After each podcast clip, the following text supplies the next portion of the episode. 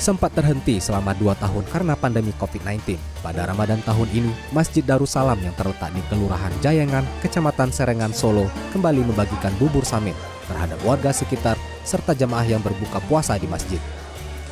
Pembagian bubur yang sudah berlangsung sejak tahun 1985 silam ini setiap harinya dilakukan dalam dua bagian.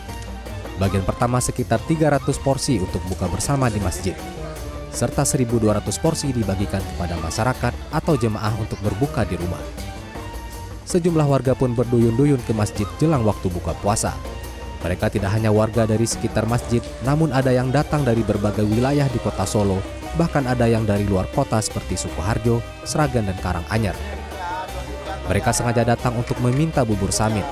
Selain cita rasanya yang gurih, bubur samin juga hanya bisa dinikmati setahun sekali, yakni saat Ramadan saja.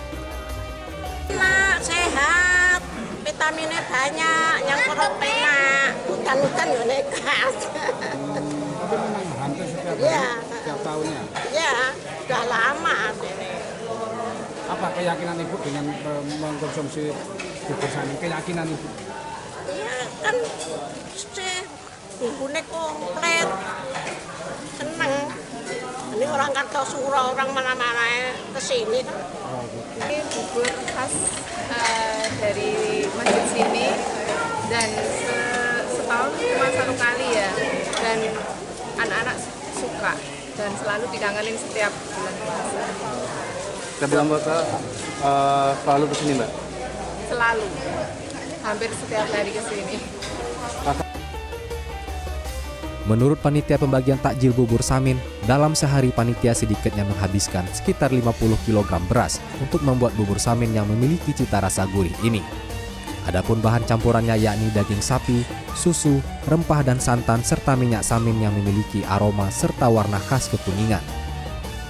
Lantaran membutuhkan waktu sekitar 4 jam untuk proses memasak, setiap hari sebelum salat zuhur, para panitia sudah berkutat untuk memasak bubur samin ini mulai dari menyiapkan bahan hingga mengolahnya. Sehingga bubur matang pada salat asar dan langsung dibagikan pada warga yang telah antre dan membawa tempat bubur dari rumah.